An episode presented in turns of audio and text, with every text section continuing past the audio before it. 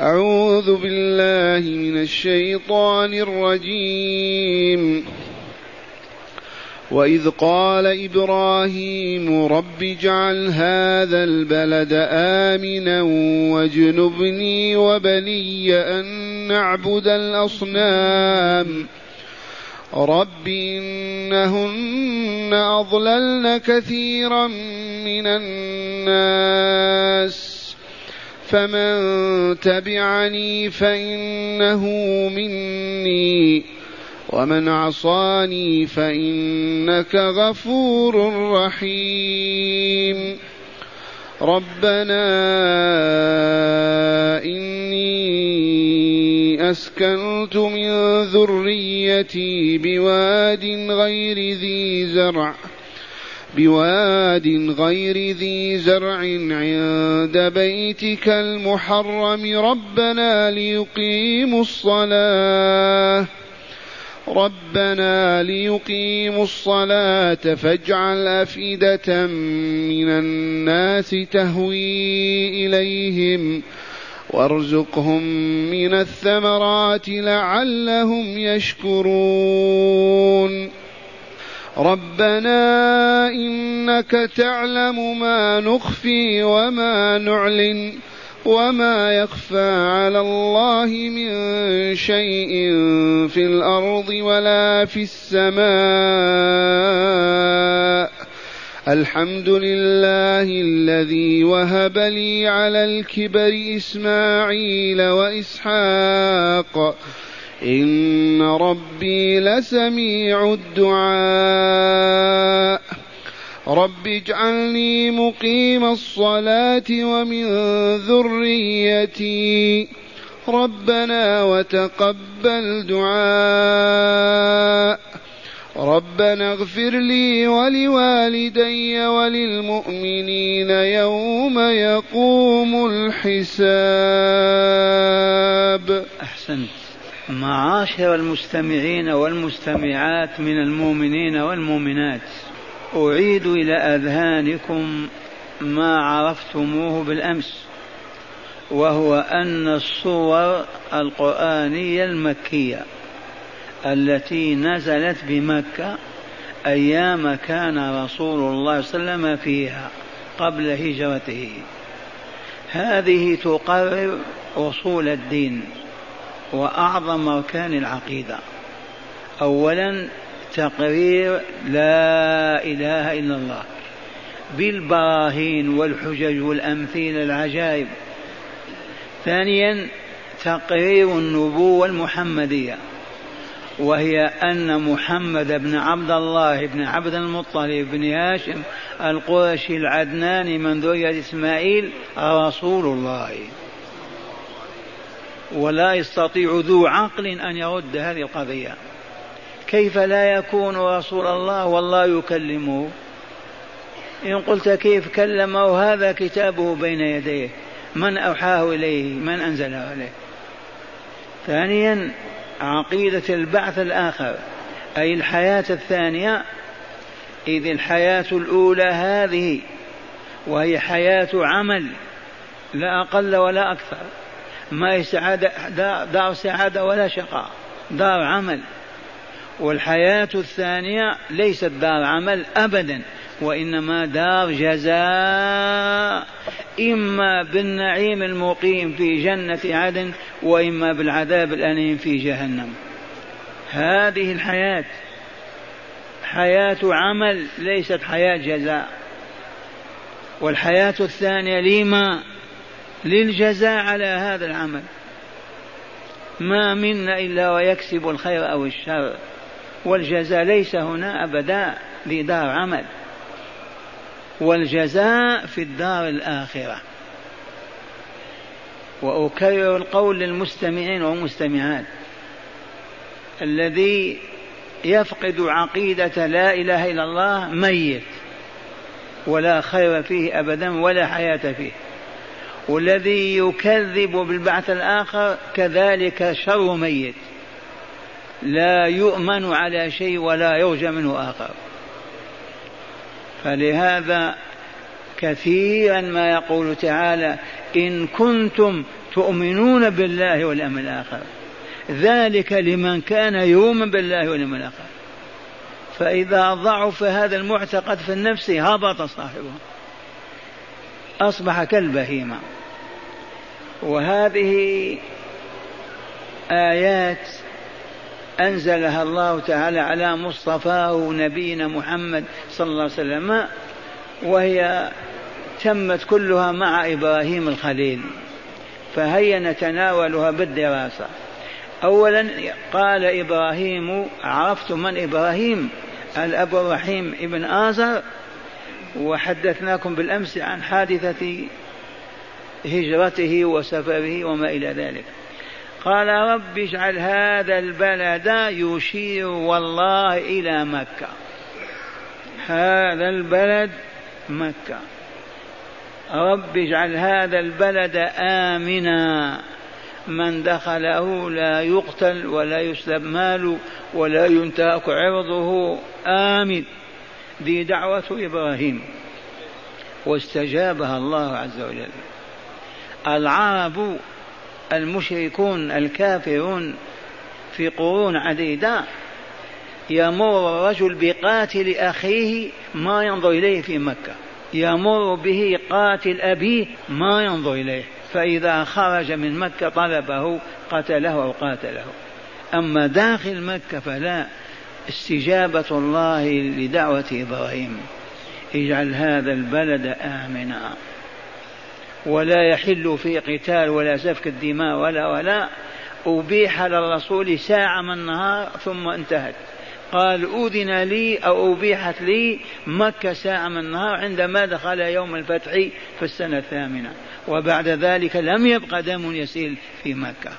واجنبني وبني وبنوه أبناؤه من صلبه وأحفاده أولاد أولاده.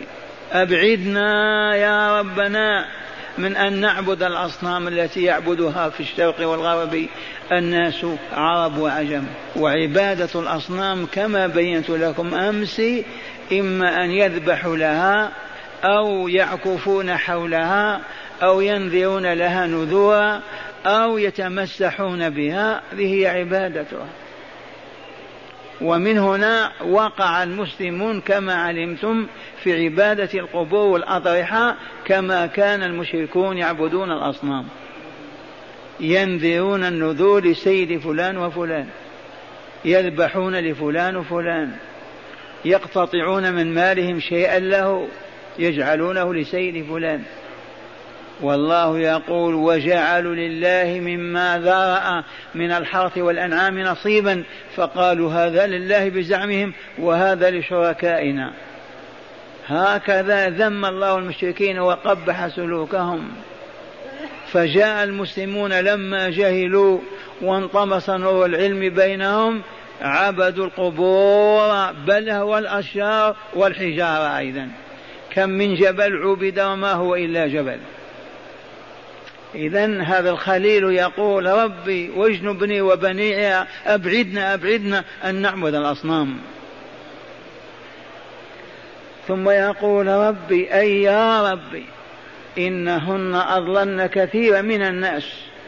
أي هذه الأصنام أضلت كثيرا من الناس عن عبادة ربهم وتوحيد سيدهم ومولاهم وعن اتباع ما شرع لهم وقنن فضلوا وخسروا في دنياهم واخراهم شكوى إبراهيم لربه ربي يا ربي إنهن اضللن كثيرا من الناس.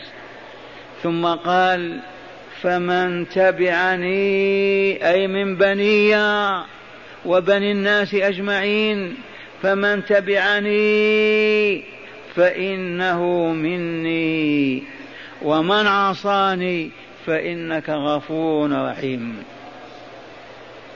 من تبعني في عبادة ربي وحده لا إله غيره ولا رب سواه في عبادة بما أحب أن نعبده به بلغنا أن الله يحب كلمتين نحن نقولهما لأنه يحبهما. سبحان الله وبحمده سبحان الله العظيم. علمنا أن الله يحب الركوع والسجود فنركع ونسجد. فإن ومن عصاني لرحمة إبراهيم الغالبة عليه. ما قال فعذبه. قال فإنك غفور رحيم. ولهذا سماه الله بإبراهيم بالأب الرحيم. فإنك غفور رحيم. ما قال عذبه أو أدخله النار. قال فإنك غفور رحيم. دل هذا على رحمة إبراهيم التي تملأ قلبه. ثم قال ربنا أي يا ربنا إني أسكنت من ذريتي بواد غير ذي زرع عند بيتك المحرم. ربنا يا ربنا إني أسكنت من بعض ذريتي من هم؟ إسماعيل. بالأمس عرفنا أنه جاء بهاجر القبطية المصرية وهي سارة وهي نعم نعم. وهي سريته تسراها إذ وهبت صار له. فأنجبت إسماعيل فاغتاظت سارة فجاء به بعيدا عنها بأمر الله وتدبيره إلى وادي مكة. ووضعه هناك وعرفنا كيف. لما بلغ السابعة أو كذا أوحى الله إليه تعالى بأن يذبحه. وعرفتم كيف قاده إلى منن وكيف فداه الله وفديناه بذبح عظيم. وكان يتعاهد هذه الأسرة إسماعيل وزوجته وعندنا حادثان. الأول لما جاء في يوم من الأيام وجد إسماعيل خارج البيت. يصطاد إذ يعيشون على اللحم والماء. فسأل امرأته كيف أنتم وكيف حالكم؟ قالت إنا في بؤس وشقاء. إنا في بؤس وشقاء. ما رأينا راحة ولا خير ولا سعادة. فقال لها إذا جاء زوجك فاقرئيه السلام. وقول له يغير عتبة بابه يغير عتبة بابه. كناية عن الزوجة. جاء إسماعيل من الصيد وجاء بما كتب الله وسكت فتفرس أن هناك من زارهم وهو يتهيأ للنبوة والرسالة. فقال لها من زارنا اليوم؟ قالت زارنا رجل. وسألني فقلت كذا وكذا فقال لي إذا جاء زوجك فاقرأي عليه السلام وقول له يغير عتبة بابه فقال ذاك أبي واخرجي إلى أهلك فأنت طالق. أمرني بطلاقك ومضت أيام أو أعوام وجاء إبراهيم يتفقد تركته.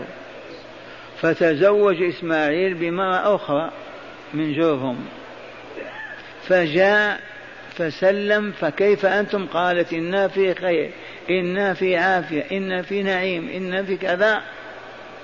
قال لها إذا جاء زوجك ما وجده في البيت؟ فاقرئيه السلام وقول له يثبت عتبة بابه. فجاء إبراهيم فجاء إسماعيل ووضع سلاحه وما كان بيده وتفرس أن هناك من زارهم. قال هل زارنا اليوم أحد؟ قالت نعم.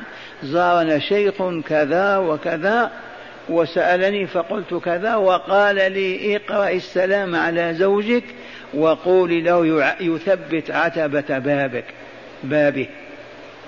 قال ذاك أبي وآمني وأمرني أن نحافظ عليك. هنا مما فتح الله به علي وقلته والله أسأل أن أكون على حق. أقول أيما رجل يقول لي زوجتي مختلفة مع أمي. قال أطلق زوجتي أو أعصي أمي وأعقها. فأقول انظر إذا كانت أمك صالحة صادقة ربانية ليست مادية ولا ولا فطلق امرأتك ولا حرج وإذا كانت أمك غير صالحة وزوجتك بارة صالحة فلا تطع أمك في ذلك واحفظ على وحافظ على امرأتك. فهمتم هذه؟ أنت تشكو أمك من زوجتك. فنقول انظر نظرة صادقة. هل أمك امرأة صالحة؟ تعبد الله ربانية صادقة. تحافظ على شرفك تحمي حماك. فإن كانت كذلك فأطيع أمك وطلق زوجتك والله يغنيك عنها ويعوضك خير منها.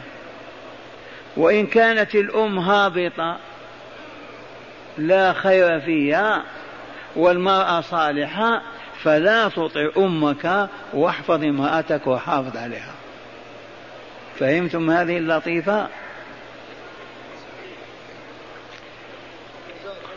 قال ربنا إني أسكنت من ذريتي بواد غير ذي زرع. إذ مكة ما فيها نخيل ولا زيتون ولا شجر ولا زراعة. وادي فقط. عند بيتك المحرم. وبيت الله هو البيت العتيق الموجود الآن. هو بيت الله. والبيوت كلها لله ولكن هذا بيت الله. لا يسكن أحد ولا يبيعه ولا يشتري أحد. هذا بيت الله. عند بيتك المحرم الأذى فيه بالمرة لا يعصى الله عز وجل في تلك الديار. ربنا أي يا ربنا ليقيموا الصلاة. أي ليقيم الصلاة أهل مكة أهل البلد الأمين أهل البيت العتيق. من لأجل من يقيم الصلاة ربنا إني أسكنت من ذريتي بواد غير ذي زرع. عند بيتك المحرم ربنا ليقيموا الصلاة اللام للتعليل.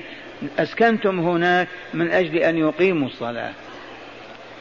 وهنا يجب أن نعلم أن إقام الصلاة هو ذكر الله وشكره. وأن من لم يقم الصلاة ما ذكر الله ولا شكره. وأنه لا يحل له أن يأكل الطعام ويشرب الماء وهو تارك للصلاة. وتأملوا ليقيموا الصلاة. وعندنا تارك الصلاة يعرض عليه أن يصلي الظهر العصر يأبى إذا بقي قدر ما يتوضأ ويصلي ركعة قبل غروب الشمس يعدم. لماذا يعدم؟ لا حق له في الحياة. إذ سر الحياة وعلة هذا الوجود ما هي؟ أن يذكر الله ويشكر. والله العظيم. اسأل عن سر الحياة. لما وجدت هذه الحياة؟ الجواب من أجل أن يعبد الله بذكره وشكره. فالتارك للصلاة ما ذكر الله ولا شكره. والمقيم لها المؤدي لها على الوجه المطلوب في أوقاتها وقوانينها وسننها والله لمن الذاكرين الشاكرين. فاجعل أفئدة من الناس تهوي إليهم. اجعل يا رب قلوب من الناس يهوون إلى أهل مكة لينتفعوا بوجودهم بينهم وهذا هو الحج والعمرة. فأهل مكة ينتفعون بالزوار بالحجاج والعمار بما يأتون من المال والبضائع والتجارة وهذه دعوة إبراهيم استجابها الله إلى اليوم. تهوي إليهم وارزقهم من الثمرات لعلهم يشكرون. قالت العلماء يومها ما كان الطائف موجودا لا في أحد ولا في عنب ولا في زيتون ولا كذا. ومن ثم هيأ الله الفرصة وأتيحت لأهل المنطقة وأصبح الطائف يورد أنواع الفواكه والخضار إلى مكة. دعوة إبراهيم. وارزقهم من الثمرات لعلهم يشكرون أي لأجل أن يشكروك يا رب. والشكر ما هو؟ الشكر معاشر المستمعين. يكون اولا بالاعتراف بالنعمة في قلبك. اذكر النعمة واذكر من أنعم في قلبك. ثانيا أن تحمد الله بلسانك بكلمة الحمد لله على تلك النعمة.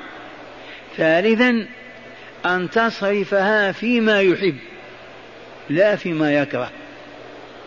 فمن هنا من لم يعترف بقلبه بالنعمة التي عليه وله ما شكر الله عز وجل.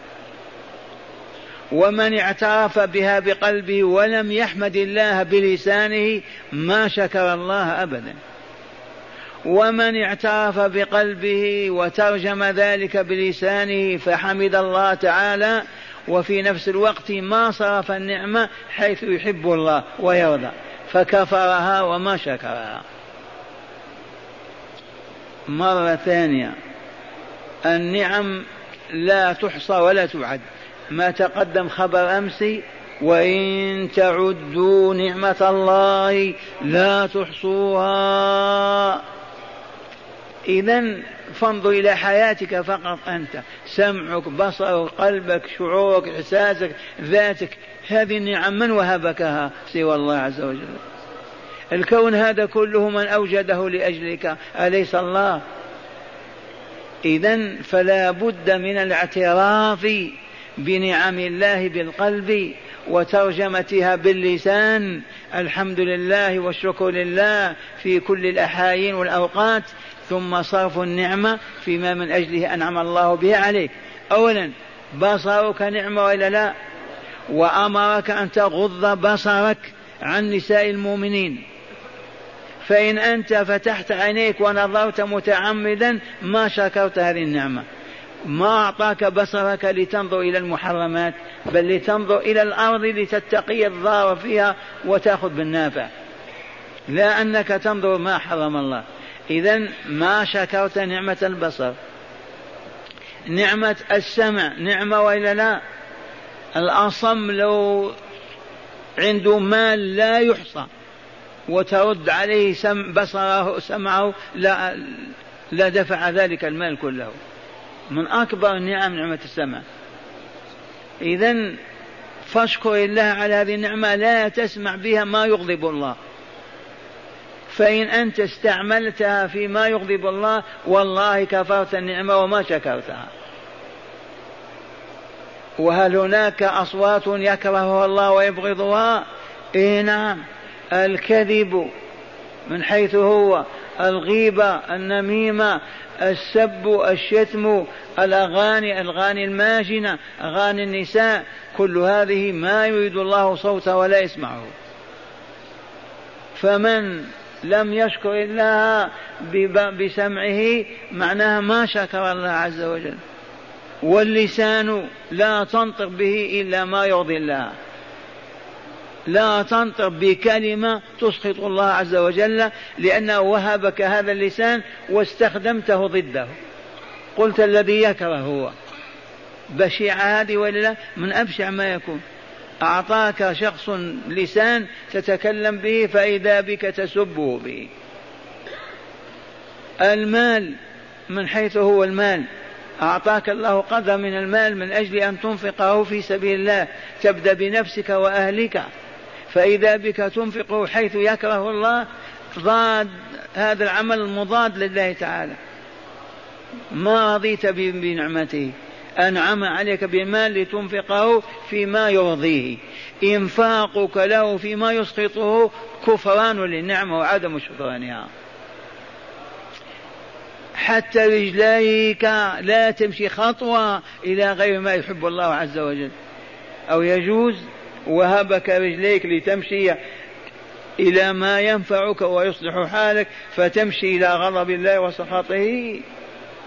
فلا يحل أن تمشي إلى مخمرة وإلى دابغة ولا ربا ولا مزنات ولا باطل أبدا. حرام أن تمشي إلى هذا. وهكذا يقول الخليل إبراهيم عليه السلام وارزقهم من الثمرات لكي يشكروك. على تلك النعم. وأنت ما خلقتهم إلا من أجل أن يشكروا ويذكروا. ثم قال ربنا أي يا ربنا إنك تعلم ما نخفي وما نعلن وهو حق. الله يعلم ما نخفيه في صدورنا في قلوبنا وما نعلنه بألسنتنا. والله العظيم إذ لا يخفى عليه شيء في الأرض ولا في السماء. فقال تعالى وما يخفى على الله من شيء. أو قالها إبراهيم وما يخفى على الله من شيء في الأرض ولا في السماء.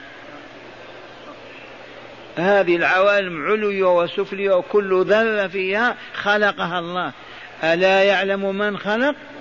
كيف يخلق الشيء وما يعلمه؟ ما من موجود إلا أوجده الله فهو عليم به. وقال تعالى ألا يعلم من خلق؟ وهو اللطيف الخبير. إذا وما يخفى على الله من شيء قل أو كثر صغر أو كبر في الأرض ولا في السماء. في أرضنا هذه ولا في السماء التي فوقنا. ثم قال الحمد لله الذي وهب لي على الكبر إسماعيل وإسحاق. هذا هو الشكر لله عز وجل. هذا هو شكر الله. حمد الله وأثنى عليه أن وهبه إسماعيل وإسحاق.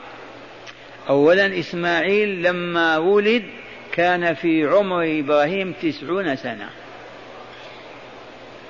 لما ولد إسماعيل كان سن إبراهيم تسعين سنة. ولما ولد إسحاق كان في عمر مئة واثني عشر سنة. 112 عشر سنة. كم الفرق بين إسماعيل عشرة أربع وعشرين سنة؟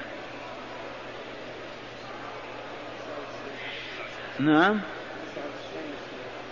تسعة وتسعين سنة نعم. وبعدها اثنا عشر ثلاث عشر سنة. إذا قوله عليه السلام الحمد لله الذي وهب لي أي أعطاني على الكبر على كبر السن لأن المواليد والأولاد في الغالب في الصغر ما هو في الشيخوخة والكبر على الكبر. إسماعيل وإسحاق إن ربي لسميع الدعاء أي يستجيب حقيقة. ما دعا مؤمن صادقا ربه إلا استجاب له. مرة ثانية. ما دعا عبد مؤمن ولا مؤمن ربه في شيء إلا استجاب له. وبين لنا رسول الله صلى الله عليه وسلم وجه الاستجابة.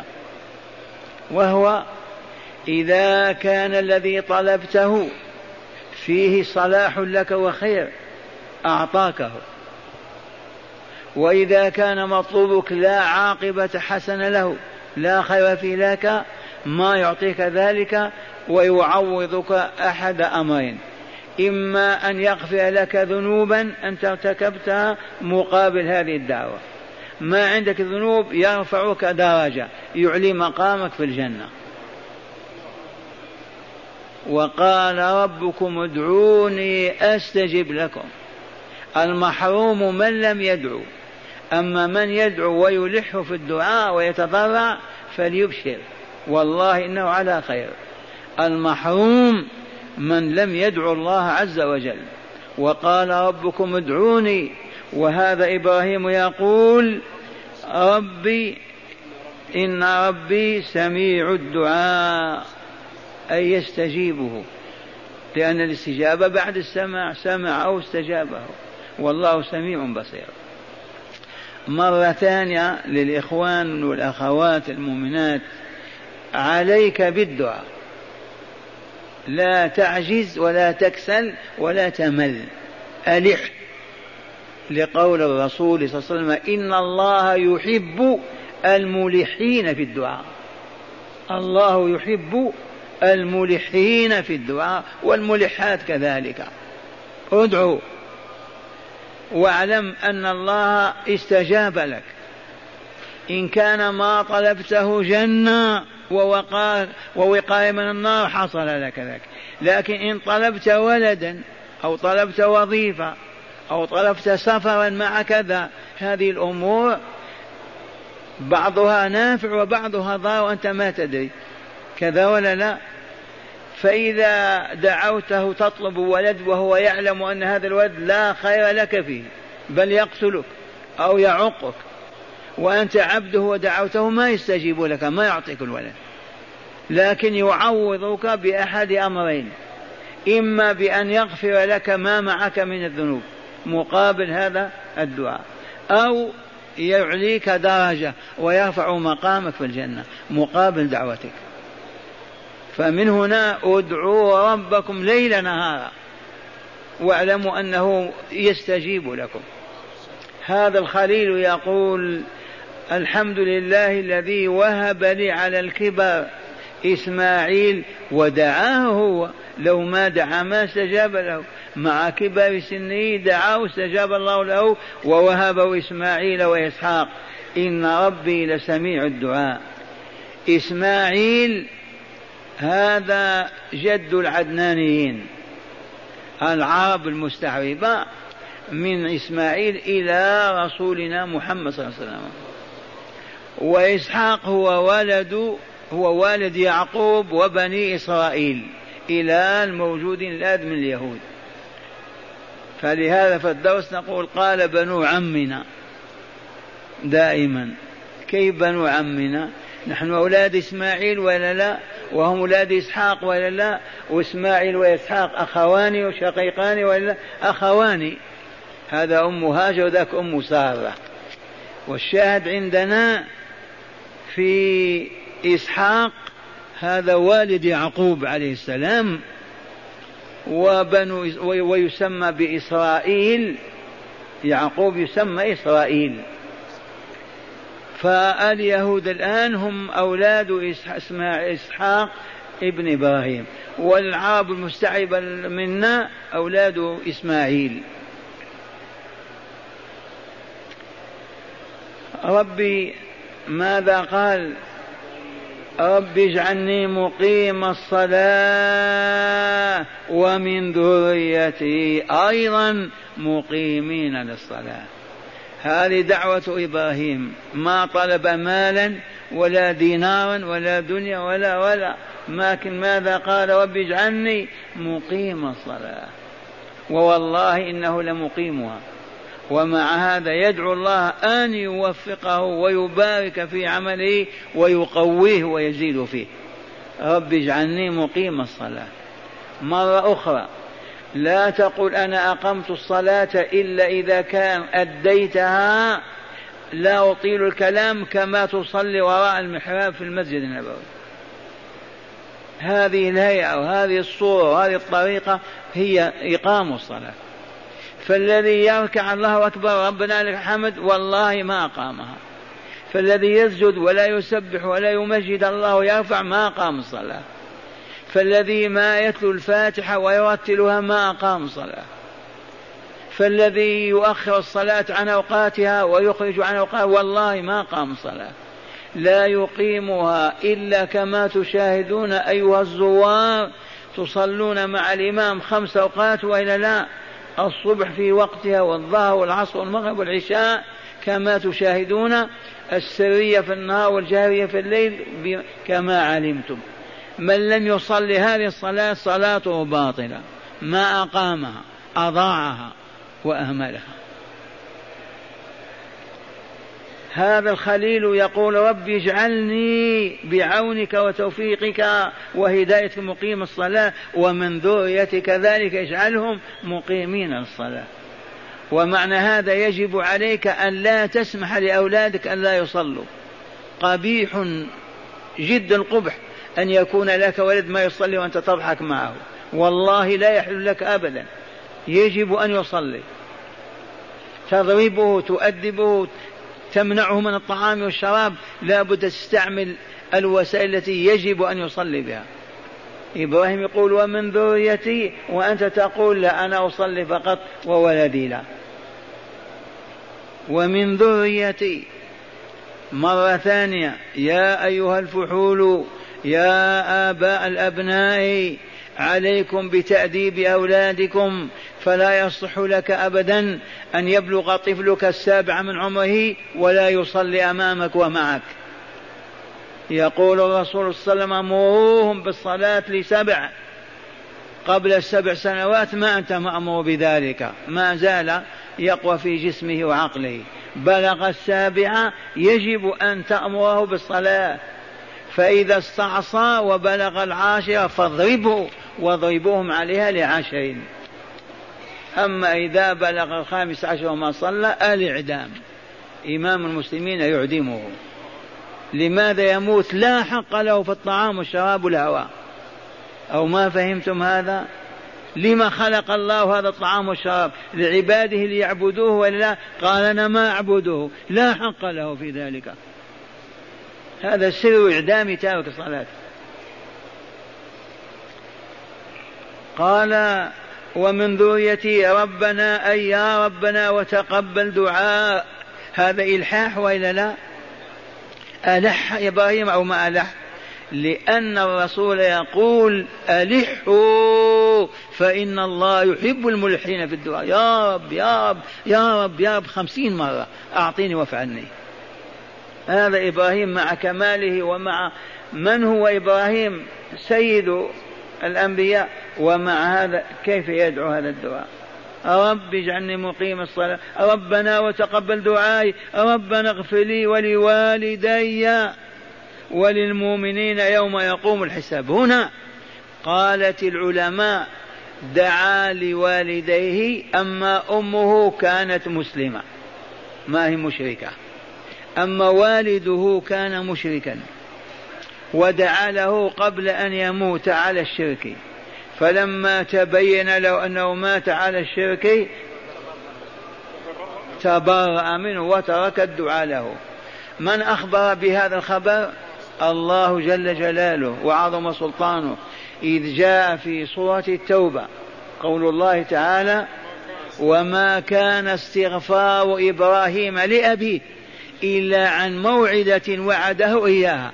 فلما تبين له أنه عدو لله تبرأ منه. إن إبراهيم لحليم أواه منيب. إن إبراهيم لأواه حليم. أواه كثيرا حليم. ولهذا واعد به أن يستغفر له. فلما تبين له الإصرار على الشرك ومات على ذلك تبرأ منه. وهذا الحبيب محمد صلى الله عليه وسلم في طريقه من مكة إلى المدينة أو من المدينة إلى مكة.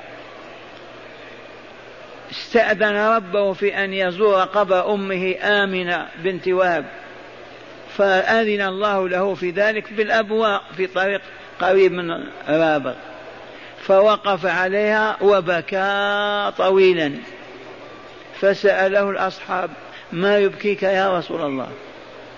قال استأذنت ربي في أن أزور قبر أمي فأذن لي. واستأذنته في أن أستغفر لها فلم يأذن لي.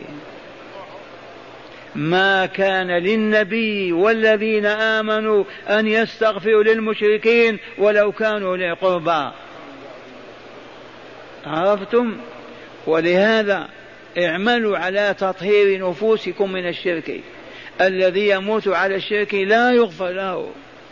واقرأوا إن الله لا يغفر أن يشرك به ويغفر ما دون ذلك لمن يشاء. فلا تسمحوا لأحد أن يحلف بغير الله فيحلف بالنبي أو بالكعبة أو فلان. لا تسمحوا لأحد أن ينحني ساجدا راكعا لقبر من القبور لا تسمعوا لأحد ينذر له نذرا أو يدعو عنده أو يسأله كذا وكذا.